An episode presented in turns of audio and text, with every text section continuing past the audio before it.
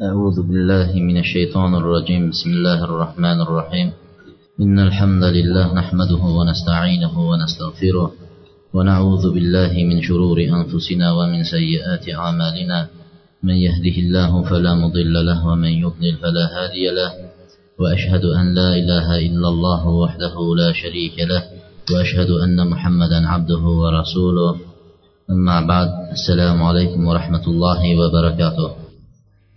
Alloh subhanahu va taoloning go'zal ismlari buyuk sifatlari bilan bugungi darsligimizni ya'ni fiqh darsligimizni alloh o'zining roziligi uchun bo'layotgan alloh sevib qabul qiladigan darslardan biri bo'lishligini faqat o'zining roziligi uchun qilinayotgan xolis alloh uchun amal qilinayotgan darslardan biri bo'lishligini tilab davomiy bo'lishligini darsimizni qolaversa avvalo o'zimga qolaversa barchamizga manfaatlik bir darslar qatorida bo'lishligini allohdan so'raymiz.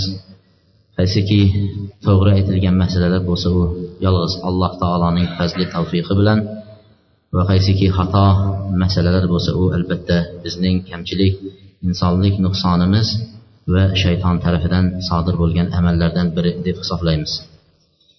Biz fiqh darsligini bir eslatib ketgan edik. O'rtalarda so'roq javob qilib bergan darslarimizni ham qabullab oladigan vaqtlar bo'ladi deb. Vallohu alam bugun shu narsaga ozgina to'xtab to'xtab o'tishlikni ma'qul ko'rdim. Har darsni avvalida inshaalloh ancha o'tib qo'yibmiz. Min babi takror deydi. Takrorlash o'tgan narsalarni takrorlashlik bobidan. Bugun inshaalloh yozma ravishda qolgan kunlari og'zaki ravishda savol o'tgan darslardan bir bob ikki bob qisqacha savollar berib turib o'tgan darslarni takrorlab olamiz. Chunki hozir birontangizdan qayerga keldik darsi deb so'rasak ba'zilar bilmasa ham kerak qayerga kelgan shuning uchun bu tasodif imtihon deydi. Xabar bermasdan shogirdlar tayyor bo'lgandan keyin yetilib pishib yetilgandan keyin qilinadigan imtihonda bu. O'nta savol bilamiz. E, savol shunday hozir berganimizdan keyin mana shavkat birodarimiz to'xtang degan joyda o'tkazasiz. Bir biringizga o'tkazib yuborasiz. Tez o'tkazsangiz yaxshi. Siz tutilib qolmaysiz.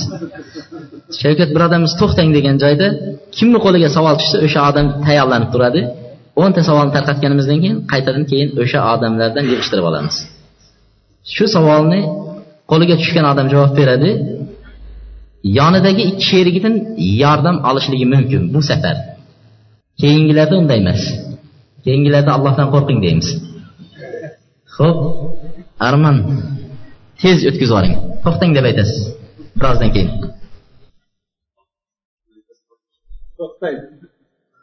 Kimga keldi? To'xtang degan joyda to'xtating savolni bo'ldi tayyorlanib turasiz. Yoningizdagilardan foydalansangiz bo'ladi. Ikkinchi savolni o'tkazib yuboring bu yoqqa kirib to'xtataverasiz to'xtang. To'xtang degan joyda uchinchi savolni o'tkazing.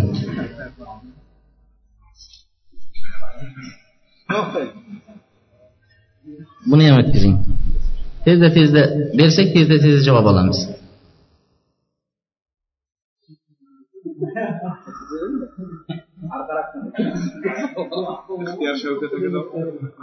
o'tkazavering o'tkazavering savollarni o'tkazing o'tkazing.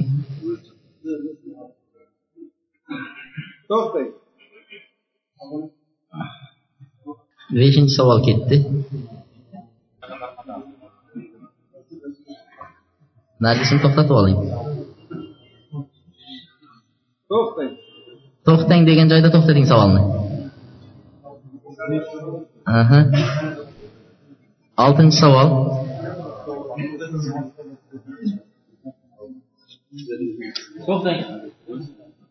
Aha. Yettinchi savol.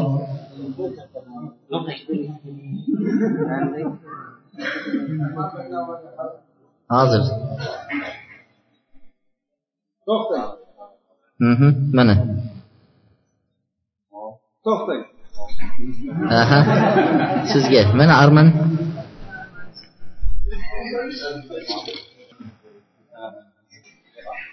to'xtadimi? Haligi savol ikkinchi keyin ketgan savol? Mana savolni ham.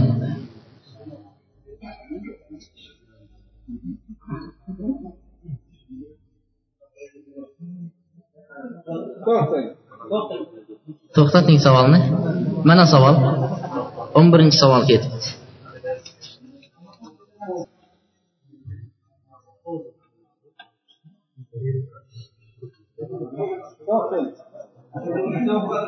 Yo, excuse me, excuse me. To'xtating nari savolni. Mana.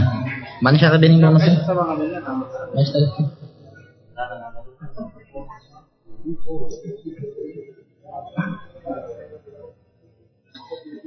To'xtang. Siz savolni sizga bering, o'tkazing. O'tkazing savolni. Saqolingizni soqolingizni qashlab o'tiribsiz.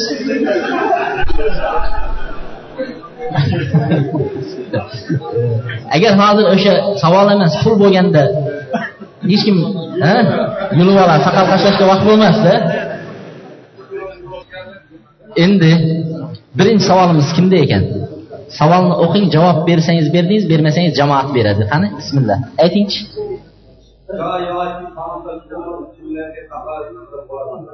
Savolni eshitinglar. Jamoat bu savollar hammamizga manfaatli bo'lishligi uchun qo'yilgan. Choy fanta kolalarga tahorat qilsa bo'ladimi deb javob bo'lmaydi nima uchun?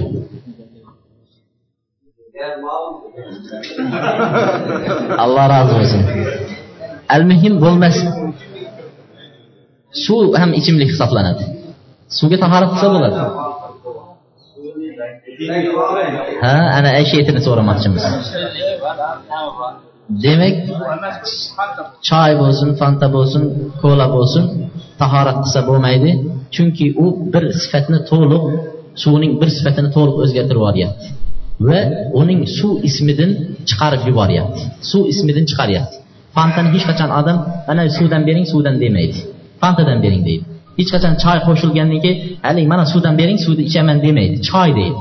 Uni suv ismidan chiqarib yuboradi va bir sifati mutlaq o'zgarganligi uchun shu narsaga tahorat qilishlikka bo'lmaydi. Demak birinchi savolimiz shu edi. Ikkinchi savol kimda edi? Ikkinchi savolimiz ikkinchi bergan kishimizda. Savollarni chekkaga yozilgan. Ikki uch deb. Birodarlar.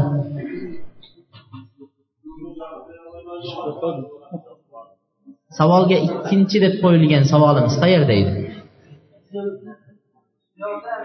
Aha.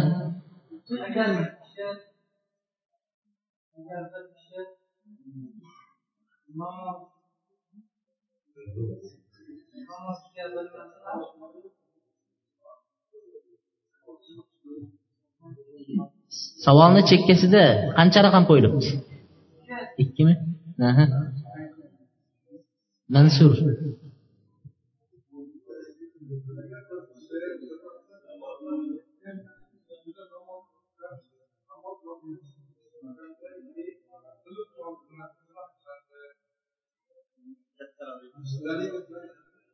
Bir odam namoz o'qidi. Kiyimi najosat ekan. Najosat kiyim bilan o'qidi. Keyin o'qib bo'lganidan keyin kiyimi najosat tegganligini bilib qoldi. Shu kishi namozni qaytarib o'qiydimi yoki bo'lmasa o'qimaydimi degan savol. Shunga dalilini ham ayting deyapti. O'qiydi o'qimaydi degan oson gap. Bir odam javob beryapti. Savol sizlardami o'sha savol? Ha bu yoqda mana.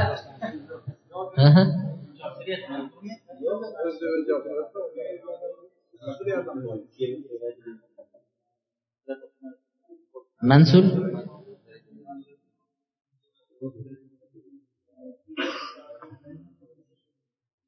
O'tkazamizmi savolni boshqalarga aytingchi javobni o'qimaydi deb javob beryapti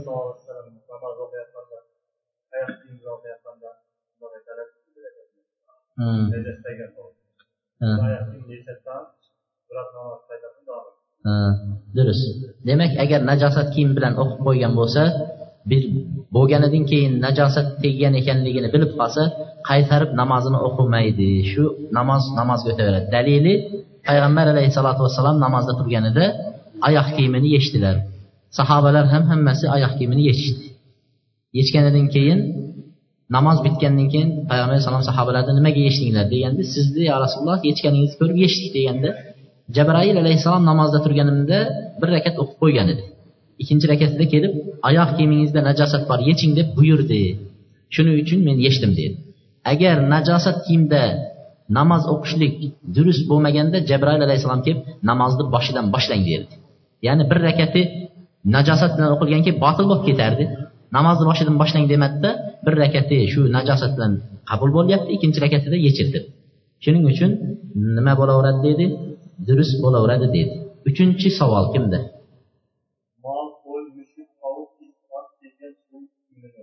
Mol qo'y mushuk it ot tovuqning teggan suvi. Shu ichgan suv qoldi masalan. Yo tegib qo'ydi shu suvning hukmi nimadir?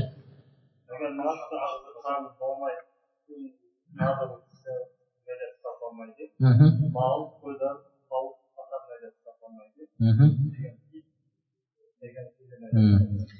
mol qo'y ot teggan suvlar mutlaq najosat hisoblanmaydi. Mol qo'y otlarniki nimaga deganda go'shtni yeyiladigan go'sht yeyiladigan mollarning hayvonlarning suvi ya'ni qolgan suvi halol deyishadi.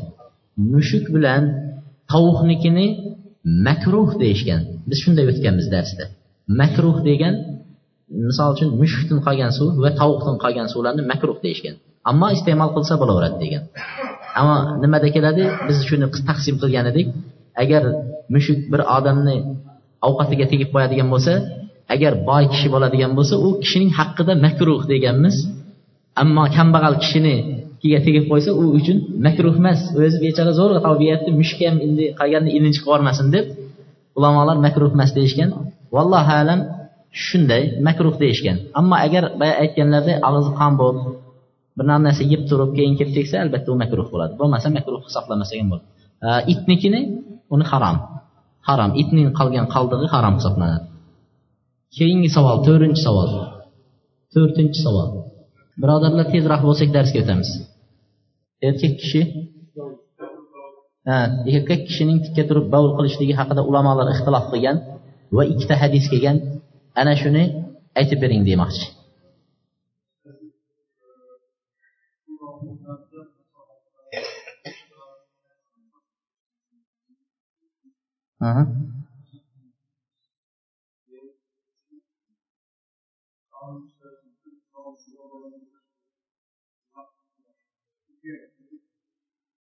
Keyin? Ha? Alloh rozi bo'lsin bavl haqida deyapti. Ikka turib inson bavl qilish erkak kishi. Bavl qilishlik haqida oysha onamiz kim payg'ambar alayhissalotu vassalomni tikka turib bavl qildi peshob ushatdi desa u yolg'on gapiribdi uni tasdiqlamanglar degan bir hadis aytgan. Payg'ambar alayhissalom hech qachon tikka turib bavul qilmadi degan hadis aytgan. Bu bir hadis. Ikkinchi hadis ikkinchi hadis ibn umar roziyallohu anhu payg'ambar alayhissalotu vassalomni ata ala subatati qawmin fabala qaima? Bir qavmning haligi ahlata to'kadigan joyiga kelib chekkaga shu yerda tikka turib bavul qildi peshob ushatdi degan hadisni aytadi. Qaysinisiga amal qilamiz desa aslida o'tirib peshob ushatgani afzal. Lekin hojat uchun yo boshqa uchun yo zarurat uchun yo kasalligi uchun yo musofir yoki avrati ko'rinib qoladi.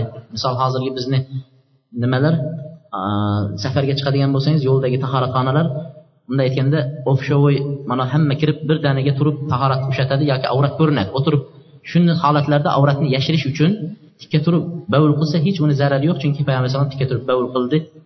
Oysha onamizning hadisiga nima deb javob beramiz desa ulamolar aytganki oysha onamiz payg'ambar alayhissalomning uydagi holatlarini zikr qildi. Doim payg'ambar alayhissalom bilan ko'chada ham yumushlarda ham birga yurmagan deyishadi. Shuning uchun bu ibn umar esa payg'ambar alayhissalom ko'chadagi holatlarini zikr qildi deb turib keltiradi.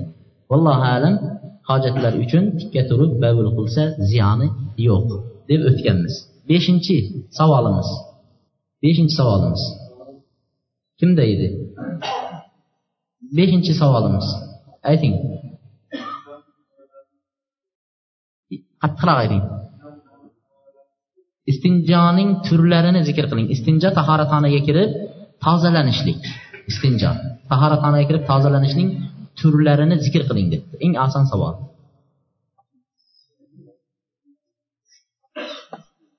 Aytingchi. Yoningizdagilarga bering. Xayr. Uch holat yo tahoratxonaga kirgan vaqtda kesak bilan yo tosh bilan yo ishqilib shunaqa narsalar. Kesak tosh hozirgi mana tualetniy bumagalar bilan tozalanishlik.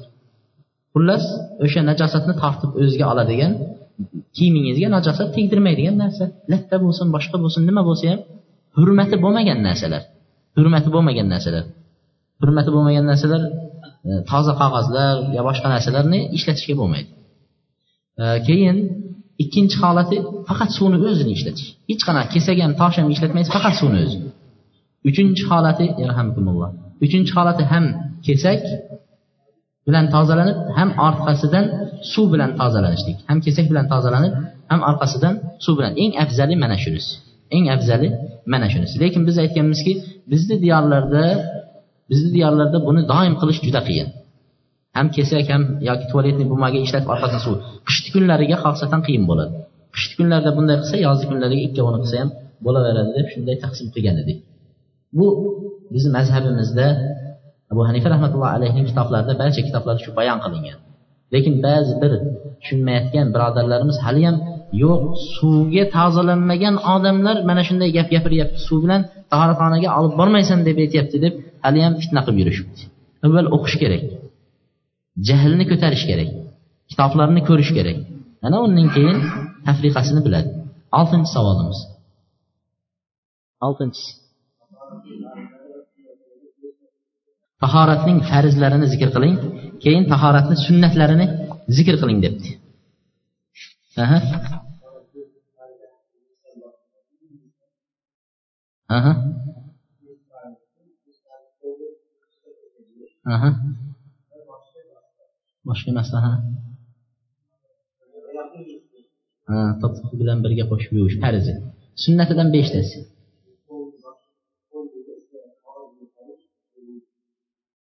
Sunnati qo'lni yuvishlik e, og'izni chayqashlik burunni chayqashlik yana ikkisi.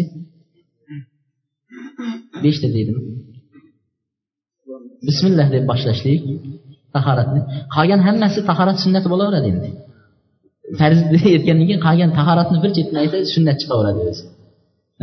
Uch martadan yuvishlik e, niyat qilishlik mana bular sunnat deyilyapti. Lekin ixtiloflarni biz zikr qilganmiz keyingi savollarda keladi. Davomi yo'qmi savolni yettinchi savol. Yettinchi savolimiz.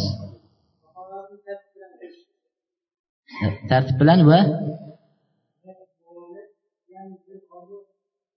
a'zoniy. Tahoratni tartib bilan qilish tahoratni tartib bilan qilish. Mana og'izga suv olish burunga keyin yuzni yuvish keyin qo'lni tirsakkacha yuvish tartib masala birinchi oyoqni yuvib olib keyin yuzni yuvish emasda. Tartib sunnatmi farzmi va nimadir e, bir a'zoni yuvgandan keyin birov kelib qoldi. Chiqib ketdingizda gaplashib qaytib kelguningizcha hali a'zo qurib bo'ldi. Yuzingizni yuvgansiz gaplashib bo'ldingiz keyin kelib ha qo'lni yuvishga keldim deb qo'lni tirsakkacha yuvib boshlaysizmi yo qaytadan boshlaysizmi shu sunnat amalmi shu yoki farz amalmi deyapti. Va dalil debdimi?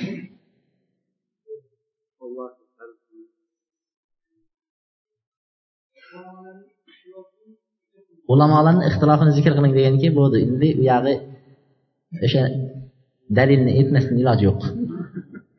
Ulamolar ixtiloflashganki dalilsiz ixtiloflashmaydi bizni zamonamizda dalilsiz ixtiloflashaveramizda bo'ladi bo'lmaydi. Bo'ladi bo'lmaydi deb. A ularni vaqtida hammasi dalil bilan bo'lgan. Men nag'z hanafiyman deb qo'ya qo'ysa bo'ldi. Hech unaqa ixtilof yo'q. Sunnat deydida. Hanafiy mazhabida sunnat deyishgan to'g'rimi? Boshqa mazhablarni so'rayaptida endi. Boshqa olimlar nima deyishgan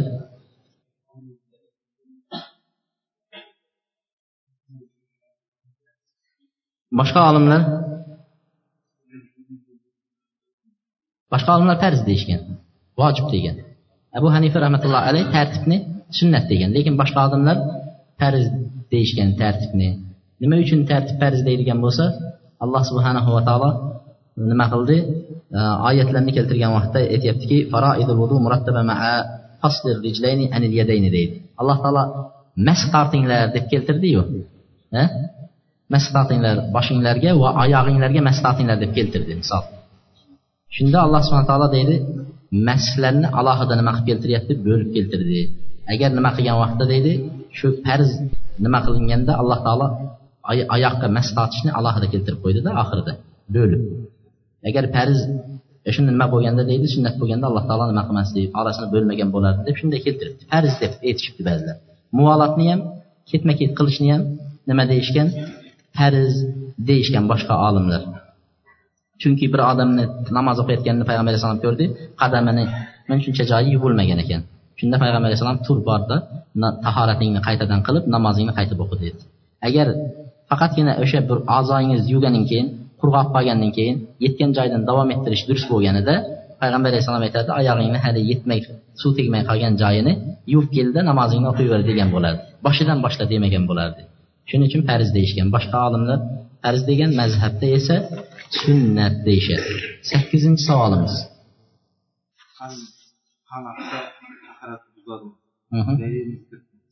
qon oqsa tahorat buziladimi va dalili bu yerda ulamolarning orasida abu hanifa rahmatullohi alayhi u aytadi qon harom deb biladi сол oyatni dalil buzadi boshqa ulamolar jihatda boshqada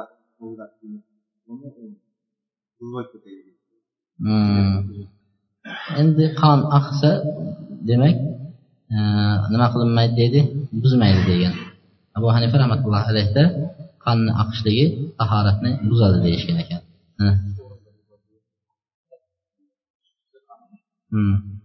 Keyingisi sakkizinchi savolimiz kimda?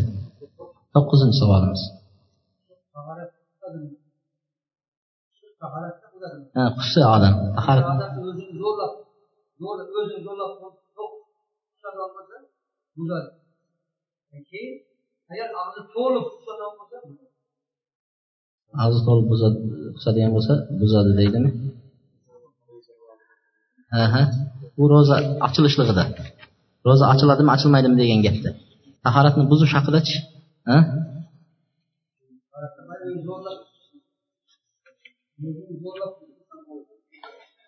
bizni mazhabimizda tahoratni deydi agar og'iz to'la qusadigan bo'lsa degan ekan zo'rlashligi shart emas. O'zini zo'rlashligi shart emas. Ammo e, ro'zani buzishlikda o'zini zo'rlab qussa ro'zasi buziladi deyishadi. Lekin tahorat buzilishligida nima? Og'zi to'liq qusadigan bo'lsa tahorat buziladi degan. Chunki nimadir dalilingiz desa abu hanifa rahmatullohi alayh nimani aytadi? Payg'ambar e, nimani aytishadiki? Oshqozonga tushgan ovqat najosatga aylandi deydi. Ya'ni oshqozonda hazm qilib qo'ygan ovqatlarga qo'shilib u ovqatlar najosatga aylanib endi chiqishlik maharajiga to'g'irlangan vaqti edi deydi. U odam o'shani majburlab chiqarganligi uchun bu deydi buzadi deb keltirgan ekan. Va yana bir hadisni keltirishadiki payg'ambar alayhissalom qustilar ro'zasi buzildi ro'zasini ochdi va tahorat qildi degan hadisni sunan termiziyda hadisni keltiradi. Lekin bu hadisni uncha nima qilishmaydi ulamolar muttafaq bo'lmagan ekan bu hadisga. Shuning uchun e, aytishadiki bu qusuq qusuq degan ekan hech bir joyda tahoratni buzadigan amallardan deb hisoblamagan boshqa mazhablarda. Ammo bizni mazhabda tahoratni buzadi deb o'tganmiz bizni mazhabda tahorat buzadi ammo boshqa mazhablarda tahorat buzmaydi deyishgan ekan keyingi o'ninchi savolimiz ayting bo'ldimi aha.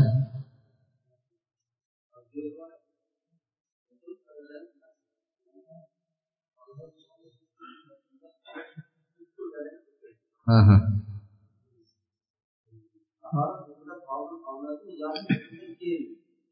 tahorat g'usul qilayotgan odam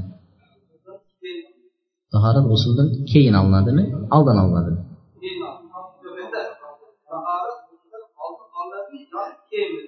ha.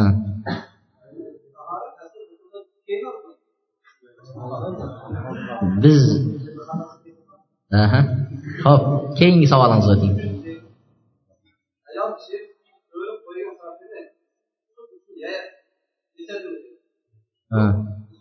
o'rilgan sochlar g'usul uchun yechmaydi demak tahorat g'usuldan oldin tahorat olinadimi yoki g'usuldan keyin tahorat olinadimi degan ixtilofni biz aytganmiz. Lekin hadisda payg'ambar sallallohu alayhi vasallam xuddi namozga tahorat qilganday tahorat qildilar lekin ikki oyoqlarini yuvmadilar. Keyin g'usul qilib bo'lgandan keyin chekkaga chiqib ikki oyog'ini yuvdi degan hadisni dalil qilganmiz biz. Tahorat g'usuldan oldin olinadi. Shu keyin g'usul qilinaveradi degan. Lekin ba'zi ulamolar nima foydasi bor tahoratni g'usuldan oldin olishlikni? O'zi hadasul akbar eng katta tahoratni ham buzib yuboradigan hadas ya'ni najosatda turibdi. G'usul bu. G'usul qilish shart vojib bo'lib turibdi janobatda turibdi. Shunday janobat bo'lib turib uni tahorat olgan tahorati nima foydasi bor unga? Hali g'usul qilmasdan turib. Shuning uchun avval g'usul qilib undan keyin tahorat qilinadi degan olimlarni ham gaplari bor deb o'tganmiz. Endi durusi aslida biz mm, nas dalil nima narsani ko'rsatsa shunga ergashamiz. Aql bilan o'zimizcha mana shunday mana shunday deb yecholmaymiz shuning uchun payg'ambar alayhissalom bizga ko'rsatganlari tahorat qilinadi keyin g'usul qilinadi. Tahorat birinchi qilinadi keyin g'usul qilinadi. Ayol kishilar bo'ladigan bo'lsa sochlarini har nimada nima qilishligi sochlarni yechib turib uni yuvib uni quritishlari qiyin bo'lganligi mashaqqat bo'lganligi uchun uni o'rilgan holatda sochlarini tugib qo'ygan holatda faqat usuli sha'rihimda o'sha sochlarning asllari terilariga uch qochoq uch hovuch suv olib nima qiladi? Quyib turib sochlarini taglariga bunday qo'llari bilan kirgizsa shuni o'zi kifoya degan. O'n birinchi savol. Yo o'n ikkinchi savolmi o'n birinchi savolimiz. O'rilmaydigan sochlar bo'lsa kalta sochlar bo'lsa yechilib turgan sochlar bo'lsa kesilgan sochlar bo'ladigan bo'lsa albatta uni yuvish vojib. O'n bir.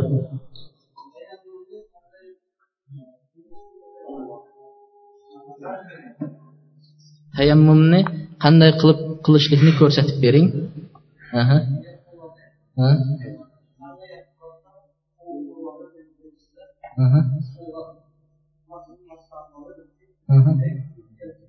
aha birinchi yuzga uriladimi yoki qo'lga urib tortiladi birinchisi qo'lga tortilinadi tahorat qilayotganingizda birinchi yuzni yuvasizmi qo'lni yuvasizmi xayr.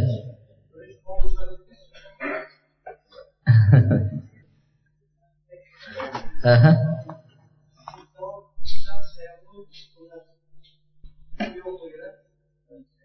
Uh-huh.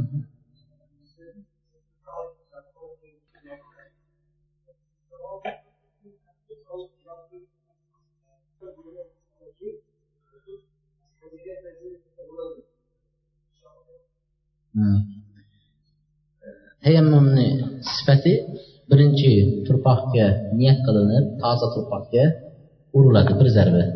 Ozgina ko'tarib turilishligi sunnat ya'ni turpoqdan chiqayotgan g'ubor polga o'tirish uchun. Qo'lga teggandan keyin yuzga birinchi suriladi. Undan keyin ikkinchi zarba uriladi va qo'l ozgina ko'tarilib keyin bizni mazhabimizda qo'l nima deydi? Tirsakkachayin tortiladi mas tortganda shunday mas tortiladi qo'lga va ikkinchi qo'lga ham mas tortiladi deydi. Lekin boshqa mazhablarda aytadi faqat deydi kaftgagina kaft deb mana shu nimagachayin aytiladi? Rusuq mana shu bo'g'ingacha kaftgagina tortiladi mas degan. Bu yoqgacha emas degan. Nima uchun desa alloh subhana taolo qo'lga deb aytdi deydi. Haligi e, qo'linglarga mas tortinglar deb keltirsa qo'l deyishni maqsad mana shu kaft nazarda tutiladi. Shuning uchun alloh taolo qur'onda o'g'irlarni qo'lini kesinglar degan vaqtda tirsakdan kesilmaydi balki bo'lmasa kaftdan kesiladi shuning uchun alloh taolo qo'l deyishdan maqsad kaft nazarda tutiladi. Tayammum qilgan odam shu kaftni o'zini yuvadi deb turib boshqa e, kaftni o'zigagina mas tortadi. Deb dalil qilishadi. Birinchisi keyingisi agar sovuq bo'ladigan bo'lsa suvni isitishni imkoni bo'lmaydigan bo'lsa yoki bo'lmasa cho'miladigan joyni imkoni bo'lmasa yoki safarda bo'lib qolsa e, janobat bo'lib qoldi yuvinish vojib bo'ldi shunday joylarda imkoni bo'lmaydigan kishilar tayammum qilib turib namozlarni o'qiyveradi degan. Tayammum qilib turib namozlarni o'qiyveradi vallohu alam bugun bizni kelib to'xtagan joyimiz savollardan o'tgan darslarimizdan tayammumgachayin takrorlagan bo'ldik. Keyingi darsimizga inshaalloh yana darslarimizni avvalgi o'tgan darslarimizni takrorlaymiz. Bir odam sizniki xat javob bering. O'n ikkinchi savol.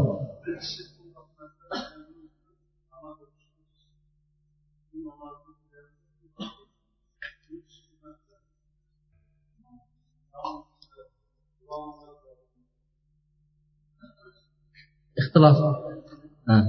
Bir odam tayammum qildi namoz o'qiyotgandi. Suv yo'q tayammum qildi namoz o'qiyotgan edi suv keldi. Suv? Bir oqib kelib qoldi. Yo o'zi keldi suv. Namozda turgan vaqtida namozni buzib turib borib tahorat suv bilan tahorat qiladimi? Yoki bo'lmasa suv bilan tahorat qilmasdan shu holatda namozini tugatadimi? Ulamolar nima deydi shu masalaga deyapti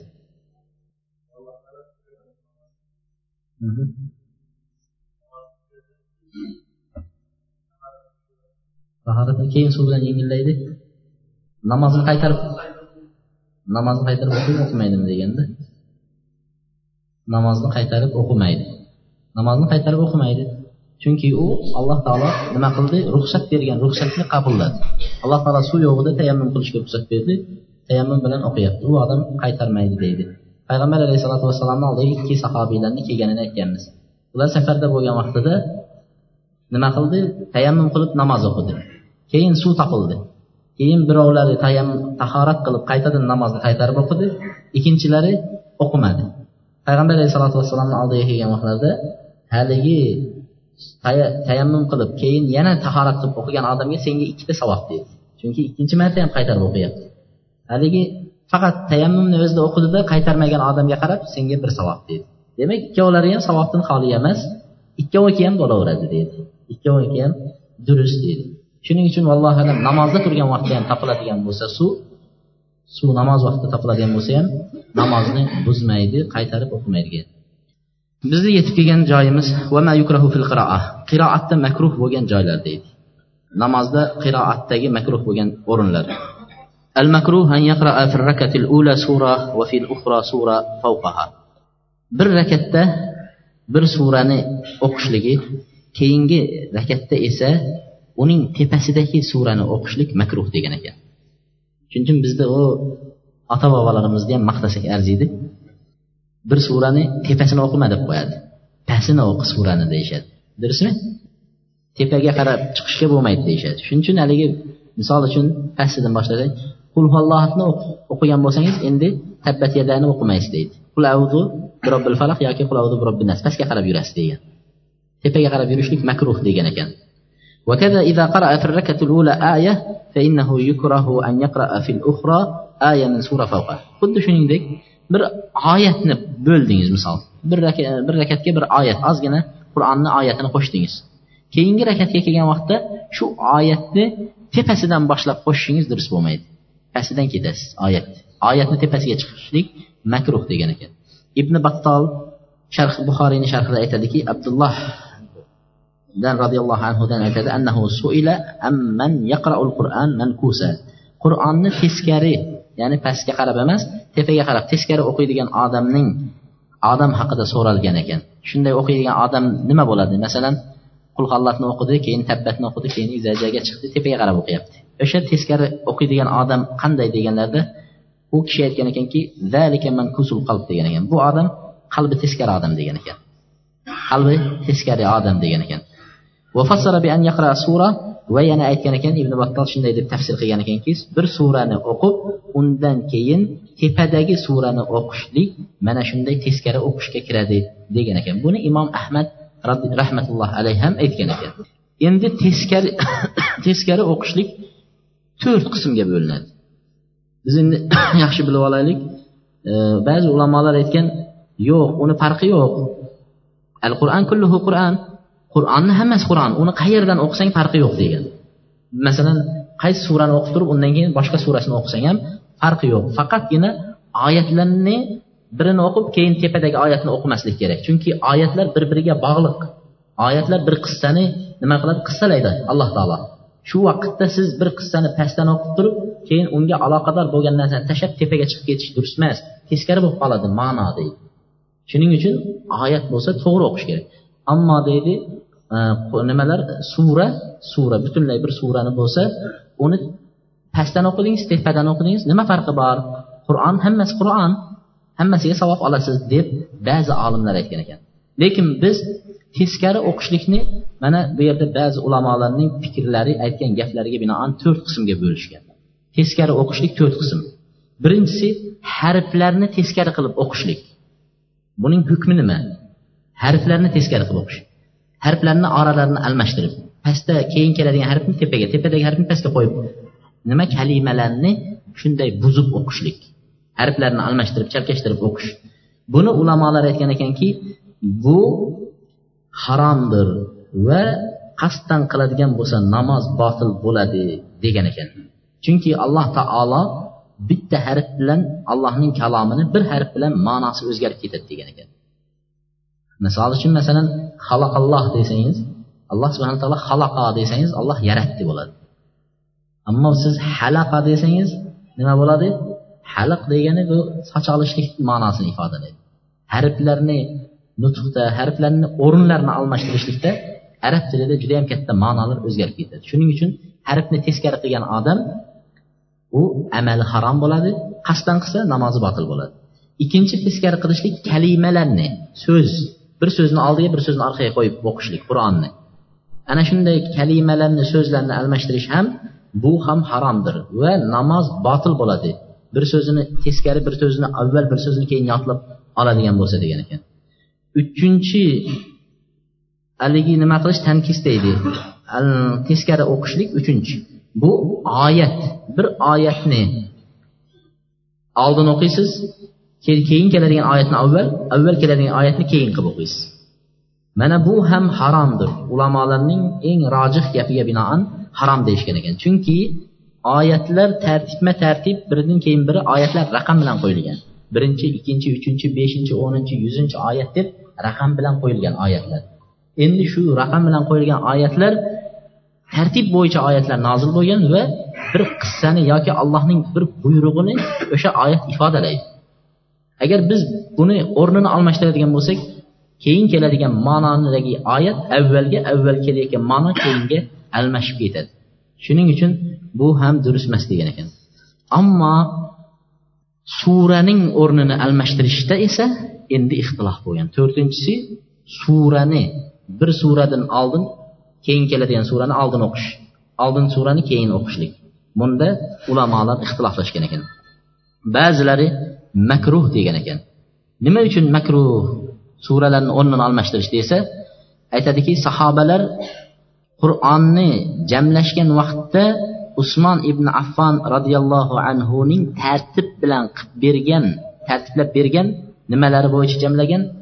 Qo'ygan suralar bo'yicha jamlagan. Usmon ibn affon va sahobalar jamlanib shu tartibga ittifoq qilishgan ular. Agar biridan oldin biri keyin bo'lishi kerak bo'lganda sahobalar shunday qilgan bo'lardi. Endi biz kelib turib bugun xohlaganiday o'qib berishlik mumkin deyishga haqqimiz yo'q degan ekan. Shuning uchun makruh bo'ladi. Bu esa sahobalarning ijmosiga qarshi chiqishlikdir degan ekan. Sahobalar ittifoq qilib ijmo qilib turgan amalga qarshi chiqishlikdir.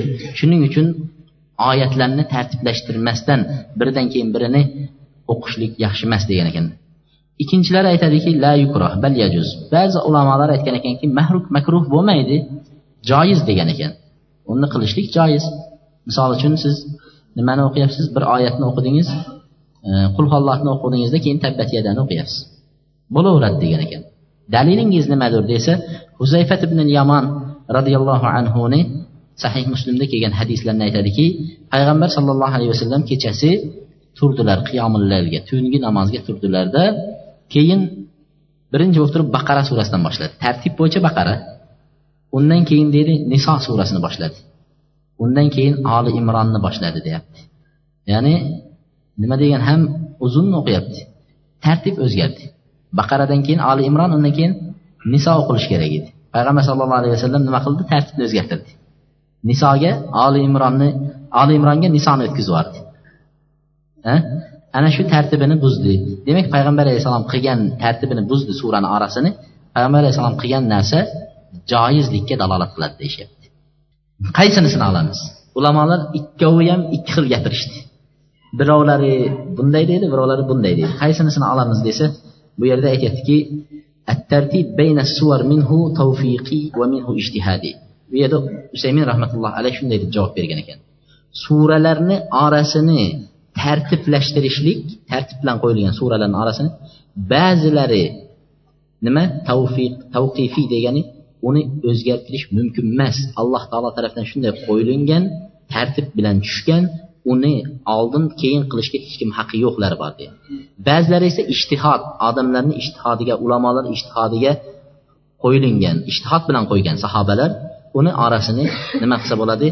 O'zgartirib o'qisa bo'ladi degan ekan. مثال شن كما ورد به السنة وردت به السنة كالترتيب بين الجمعة والمنافقين وبين سبح اسمه والغاشية وهو على سبيل التوقيف. آه، تنكي مثلا جمعة سورة سبلان منافقين سورة سبلان سبح اسم سورة سبلان غاشية سورة داري بو توقيفي دي. توقيفي دي كان عليه الصلاة دائم أقصى ترتيب بلان أقيا شو سورة لأن هيج قشان بردن كين برن برن عالدن برن كين قب أقوم دائم ترتيب بلان أقيا shuning uchun payg'ambar alayhissalom shu tartib bilan o'qiganligi uchun uni o'zgartirish mumkin emas degan ekan. Ammo boshqa payg'ambar alayhissalomdan shunday vorid bo'lmagan suralar esa payg'ambar alayhissalom ko'rsatib bermagan suralarni ixtiyorda odamlarni ixtiyorda xohlasin tartib bilan o'qisin xohlasin orasida birini tepa birini past qilib o'qisin o'zlarini ixtiyorida degan ekan. Vallohu alam tushunarlimi? Endi biz mazhabimizda aytyapmiz agar tartib bilan o'qish kerak. Bo'lmasa makruh bo'ladi desak o'sha gapni olsak. Bir odam birdan namoz boshladida tiliga hech narsa kelmadi. Namozda turdida zam surasiga nimani qo'shdi? Qul audu nas qo'shdi. Eng oxirgisini qo'shdi. Endi nima qiladi? Agar makruh deydigan bo'lsak undan keyin qaysi surani o'qiydi desa undan keyin ham nas o'qib qo'yaveradi. Ikkala surasiga o'shani o'qib tugatadi. Chunki makruh tepadagisini o'qishlik makruh deb hisoblaganligi uchun deyishgan ekan. Solatul jamoa jamoat namozlari. Jamoat namoziga kelganmiz. Jamoatning fazli jamoatning hukmlari jamoat namozlarini. Jamoatdan kechikkan odamlarning e, qanday qilib o'qishliklari. E, va shunga o'xshagan masalalarga to'xtalamiz. Alloh subhanahu va taolo musulmonlarga ma'lum vaqtlarda jamlanib turadigan yig'inlarni alloh taolo qo'yib qo'ydi. Mana bu yig'inlar kechayu kunduzda bir kunda besh vaqt namozda jamlanib turadigan yig'in qilib qo'ydi alloh taolo. Jamoat namozlari besh vaqt namoz. Va bu kundalikda yig'ilib turishadi. Endi hafta sayin yig'iladigan alloh taolo mo'minlarni hafta sayin yig'iladigan qildi juma namozlarida. Endi yilda bir marta yig'iladigan namoz qo'yishdi yilda ikki marta bo'lsa hayit namozlarida ikki hayit namozlarida. Va butun yer yuzi jamlanadigan namoz nima qildi? Yig'in qildi. Bu esa arafat tog'ida yig'ilish hamma butun musulmonlarni yig'iladigan joy qildi. Alloh taolo mana shunday o'rinlarni belgilab qo'ydi. Jamoat namozi haqida ibn umar roziyallohu anhu payg'ambar alayhissalomdan rivoyat qilgan hadislarda aytadiki solatul jamaa tafdul solatul fiddi bi sab'in va ishrina daraja. Jamoat bilan o'qilingan namoz yolg'iz o'qigan odamning namozidan yigirma yetti daraja ortiqroq bo'ladi savobi degan. Yolg'iz o'qigan odamniki bir savob bo'lsa jamoat bilan o'qigan odamning namozi yigirma yetti savob bo'ladi deydi. Abi hurayra roziyallohu anhu hadislarda aytadi bir odam tahorat qilsa tahoratini to'liq mukammal olsa keyin masjidga chiqsa masjidga faqat namoz uchun chiqsa masjidga birov bilan uchrashishlik uchun yo birov chaqirib qolganligi uchun yo biror bir ishi bo'lganligi uchun borish emas faqat namoz jamoat bilan o'qiyman degan maqsadda masjidga chiqadigan bo'lsa har bir qadam bosmabdiki agar bossa ham ash qo'yayotgan qadamlariga darajalari ko'tariladi deydi. Biror bir qadam yana qo'yadigan bo'lsa ikkinchi qadamlariga esa nima xatolari o'chirilib turadi? Bir qadamingizga savob bir qadamingizga gunohlar o'chirilib turar ekan. Jamoatga borayotganingiz namoz o'qisa lam tazalil malaika tusalli alayhi ma dama fi musalla. Namoz o'qir ekan shu masjidga kirib modomiki shu masjidda bo'lar ekan farishtalar unga salovat aytib turadi deydi. Farishtalarni salovati nima? Odamlarga qanaqa salovat aytadi. Farishtalarniki duo. Bandasiga duo qilib turadi. Allohdan so'raydi farishtalar. Mana shu bandangni gunohini kechir deydi. Duo qiladi yaxshilik bilan zikr qiladi istig'for aytadi rahmatingga ol deydi. Mana shunaqa farishtadan salovat. Farishtalar duo qilib turar ekan o'sha odamga. Modomiki namozda bo'lsa hattoki musolla namoz joy namozda o'tirgan bo'lsa bo'ldi deyapti. Masjidga kirib olsangiz eson omon bo'ldi ekan. Farishtadan duosida o'tirib turar ekansiz. Keyin allohimma solli alayhi allohimma arhamhu farishtalar aytar ekanki ey alloh buni rahmatingga olgin deb duo qiladi. Agar shu odam shu masjidda ikkinchi namozni kutib o'tirsa degan ekan. Masalan shom namoziga keldingizda birato'la endi bir yo'la xuftonni ham o'qib ketaman degan maqsadda o'tirsangiz xuftonni o'qib ketaman deb. Hech narsa qilmasdan shu masjidda tahorat bilan o'tirsangiz bas. O'sha odam namozda namoz o'qiyapti degan ibodat yozilar ekan savob. Faqat o'tiribsiz rohatlanyapsiz. Dam olyapsiz masjidda o'tirib issiq joyda.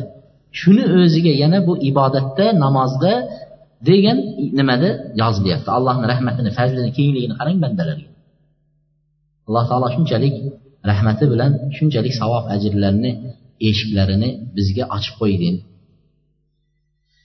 an anas ibn malik qola qola rasululloh sollallohu alayhi vasallam. Payg'ambar sollallohu alayhi vasallamdan anas ibn malik aytadilarki من صلى أربعين يوما في جماعة يدرك التكبيرة الأولى كتبت له براءتان براءة من النار وبراءة من النفاق degan ekan payg'ambar alayhissalotu vassalom aytgan ekanlarki kim qirq kun qirq kun takbiratul ehromga yetib namoz o'qisa degan ekan besh vaqt namozni jamoat bilan o'qiysiz jamoat bilan o'qiganda ham imom allohu akbar degan vaqtida nima qilasiz qo'shilishingiz kerak. Imom takbirni allohu akbar deganda qo'shilishingiz kerak. Takbiratul ehrom o'sha. Shunga yetib o'qisa deganda ya'ni ruku qilayotganda kelishingiz mumkin jamoatga salom berishdan oldin kelib qo'shilishingiz mumkin. U hisoblanmaydi. Shuning uchun boya takbiratul ehromga yetib kelib o'qiladigan bo'lsa qirq kun alloh taolo unga ikkita ozodlik yozadi degan ekan. Ikkita ozod bo'ldi degan narsa birinchisi do'zaxdan ozod bo'ldi deb yozar ekan. Ikkinchisi munofiqlikdan ozod qildi bu odam dedi u odamda munofiqlik yo'q. Qirq kun yetib o'qigan odamda munofiqlikdan qutulish ikkinchisi do'zaxdan qutulish deb yoziladi bitilar ekan.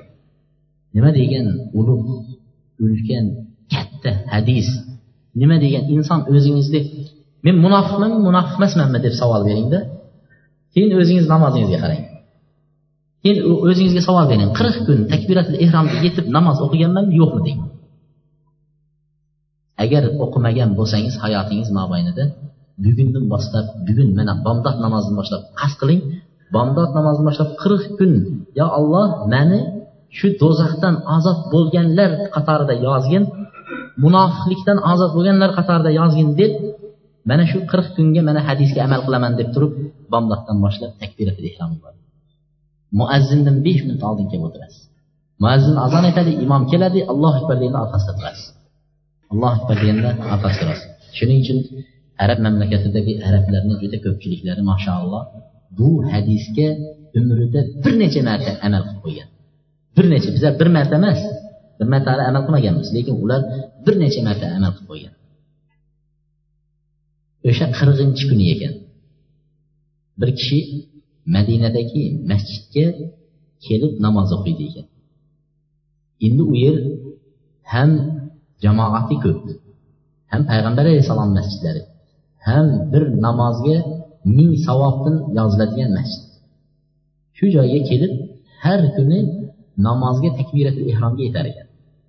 Bir kuni sal kechikib turib qolganda shu shopqillab mashinasida kelsa u yerga hajga borganlar mana biladi makka madinani atrofidagi mashinalar u yerga mashina qo'yadigan joy topilmaydi. Shu eplab seplab yo'lni bir chekkasiga qo'yib yugurib ketyapsa minisi ushlayapti oxirgi qirqinchi namoz ekanda qirqinchi kuni. Qirqinchi kungi namoz minisi ushlayapti aytibdiki yo'q illo olasan mashinani. U yoqda takbir boshlanyapti azon aytildi. Takbir boshlayapti. Haligi odam oxiri yig'labdi ey birodar tushungin mani bugun mani alloh taolo do'zaxdan azob qiladi degan kuni bugun deb tashlab yugurib ketdi. Chiqqunicha milisa shu yerda turibdida katta qilib derazasiga ikki taraf yozibdi muncha ikki taraf deb derazalarga yopishtirib qo'yadi mashinani chiqib kelsa xursand bo'lib kelsa haligimi? desa mana olmagan edim ikki tarafingni yozdim deb. Desa bunaqa ikki tarafdan mingtasini yozmaysanmi birodar? Men bugun hozir oxirgi kuni edi. Agar hozir bir bir marta kechikadigan bo'lsam o'sha qirq kun qilgan ibodatim qaytadan boshlash kerak boshidan qirq kun takbiratul ehromga yetgan nimamni qaytadan boshlashim kerak edi men mana shu hadis deb turib mana shu hadisni haligi milisaga aytib beribdi aytganda haligi milisa yig'lab yuborgan ekan. Sen shunchalik namozga shunchalik jahannamdan o'zingni ozod qilishga harakat qilyapsanu men mana yerda turib takbiratul ehromga kirmasdan turganligimga achinib ketdim deb yig'lab haligisini yirtib tashlagan ekan. Takbiratul ehromga yetishlikning fazilati shunchalik katta. An abi hurayra roziyallohu anhu qola لو يعلم الناس ما في النداء والصف الأول ثم لم يجدوا إلا أن يستهموا عليه لاستهموا ولو لا ولو يعلمون ما في التهجير لاستبقوا إليه ولو يعلمون ما في العتمة والصبح لأتوهما ولو حبوا. أجر ديانا كان آدم لر نداء دكي فزيلتني الله أكبر. دبتر نداء قلن يندك فزيلت لن بالجندة برين سفن فزيلتنا بالجندة أجايب بز إن شاء الله إمامتشليك imomatchilikka kimlar haqlik? Ayollarning imomatchiliklari saflar birinchi saf safning o'ng taraflari degan masalalarga to'xtalamiz kelajakda. Bizda birinchi safga hech ahamiyat yo'q va birinchi safning esa o'ng tarafiga hech ham ahamiyat berishmaydi. O'ng tarafiga hech ham ahamiyat bermaydi. Bularni o'ziga yarasha judayam katta savoblari bor. Payg'ambar alayhissalom aytyapti agar kim nidoda azondagi fazilatni bilganda va birinchi safning fazilatini bilganda shunga yetishlik uchun hech yo'l topolmasa faqatgina qur'a qilib yetadigan bo'lsa ham qur'a qilib tashlashib bo'lsa ham o'shani o'rnini egallagan bo'ladi talashib yurib tortishib yurib qur'a tashlab oxirida kim o'tiradi shu yerga deb? Qur'a tashlab kimga chiqsa shu o'tiradi deydigan bo'lsa shuni qilgan bo'lardi degan ekan. Shuning uchun aytgan ekanki kim birinchi safni egallagan bo'lsa keyin bir odam kelib qoldi. Masalan otasimi yoki bo'lmasa bir hurmatli odam kelib qolsa keling siz turing deb turib uni turg'izib orqaga o'tib ketishligi harom degan ekan. Birinchi safni siz keldingizmi? U safni o'ziga yarasha fazli bor o'ziga yarasha haq huquqi bor. Shuning uchun birovga u safni bo'shatib berishlik durust emas. Unga tortishishlik kerak birinchi safga turishlik uchun. Madinadagi bo'lgan voqealardan bir kuni birodarlarimizdan bittasiga birinchi safga borib namoz o'qishlikka kelishdik birinchi safga bordik. Namozga uch soat yo to'rt soat bor hali borsak birinchi saf to'la. Ikkinchi saf besh saf to'la. Imomning orqasidagi saflar to'la. Haligi joyga siqilib qisilib kirdik. Lekin u joydagi odamlar o'rnini bergisi kelmaydi talashyapti savobi kattaligi uchun haligi joyni talashyapti hattoki ikki taraflama majara bo'lib ketdi haligi joyda. Shundan keyin odamlar haliginga kelib tushuntirib mayli birodaringlar uzoqdan kelgan ekan bir marta namoz o'qib ketishga izn beringlar deb zo'rg'a izn so'rab shu yerda bir marta namoz o'qiy oldi. Asr namozi bo'ladigan bo'lsa shom namoziga keladigan odam asrda kelib o'tiradi asrni o'qib keyin shomga birinchi safga o'tadi. U beshinchi safda o'tirishadi. Beshinchi safda o'qiydida shomni yo qubtonda birinchi safga o'taman deb mo'ljallaydi ana undan keyin birinchi safga o'sha yetib keladi. Shunchalik namozga safga shunchalik haris bo'lib ana shu yerda kutib o'tiradi. Yetkazganiga shukur deb birinchi safga keladi. E, bizda bo'lsa saf bo'sh turadi. Odamlar o ustunlarni orqasidan nariyoqda naryoqqa o'qib o'qib chiqib ketadi. Safga turinglar o'tinglar olaydi zo'rg'a itarmalab o'tkazasiz. Agar tahjir degani namozga erta borishlikning fazilatini bilganda tahjir namozga ertaroq borish azon aytdimi deymiz. Uyda so'raymizda. Bolalar aytdi desa endi tahorat qilamiz deymiz. Subhanalloh. Azon aytilgandan keyin tahorat qilinadi. Aslida azon namozga tayyor turish kerak musulmon kishi. Tahjir degani namozga erta borishlik muazzindan avval imomdan avval kirib masjidda o'tirishlik.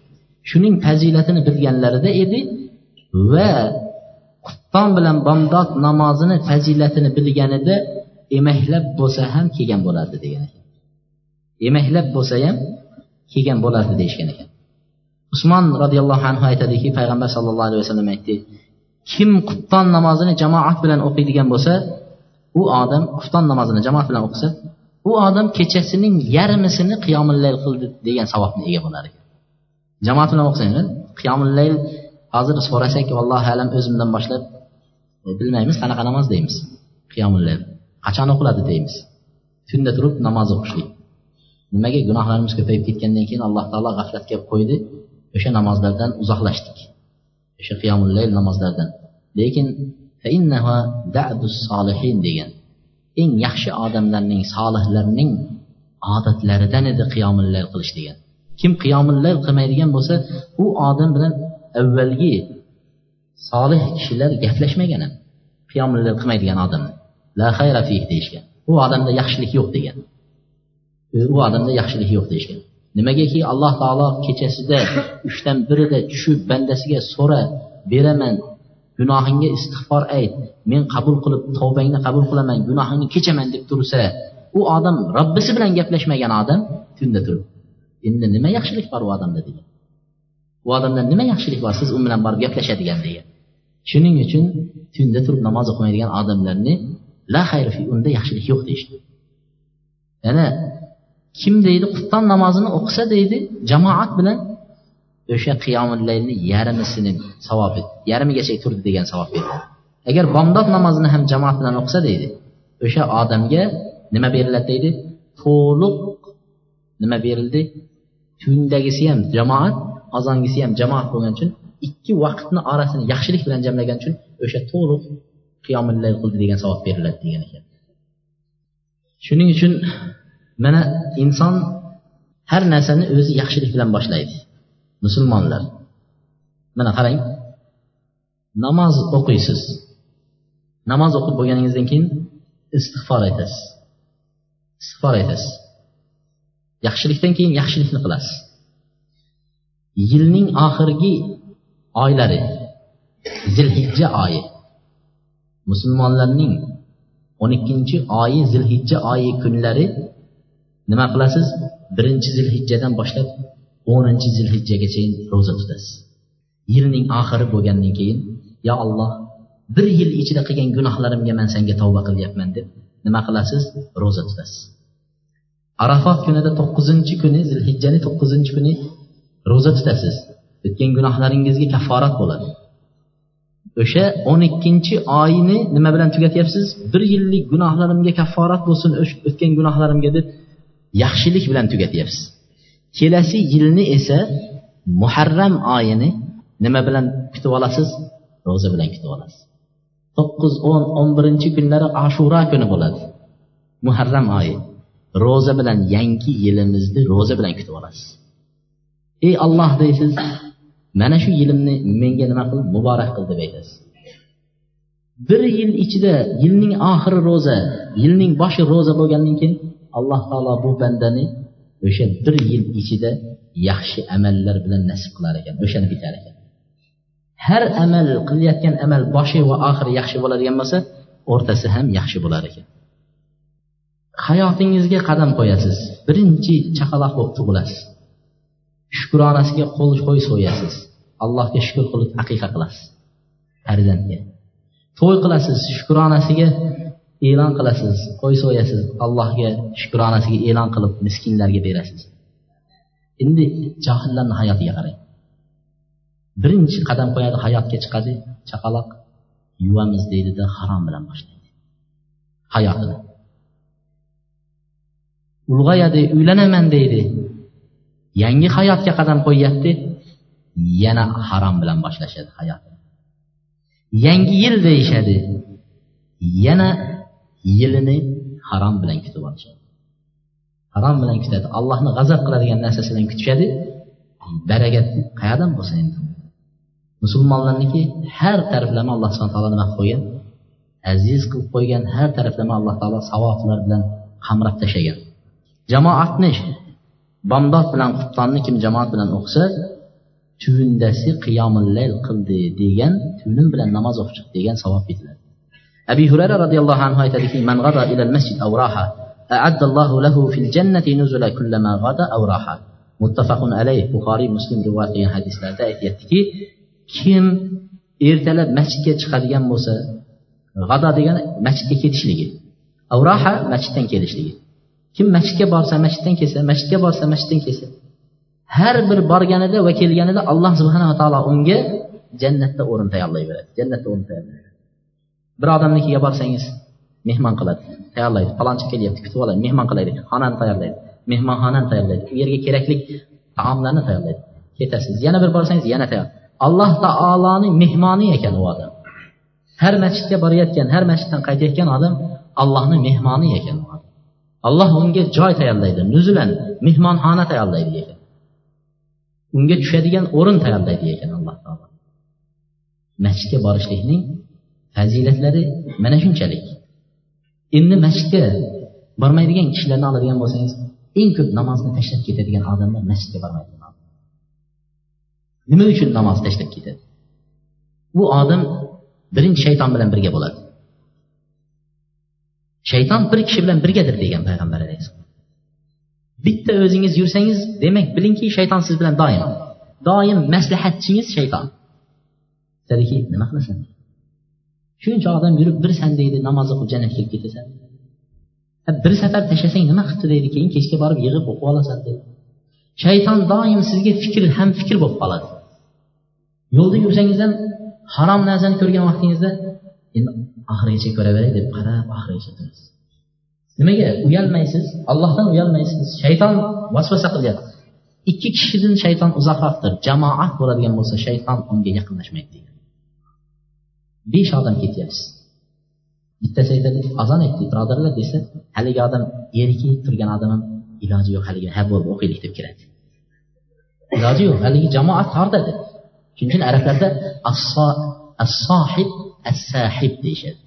Sohib degani do'sting sahib degan tortuvchidir degan do'sting nima bo'lsa shunga tortadi. Do'sting taqvodor bo'lsa seni taqvoga tortadi. Do'sting namoz o'qimaydigan odam bo'lsa namoz o'qimaslikka tortadi. Do'sting yomon odam bo'lsa yomonlikka tortadi.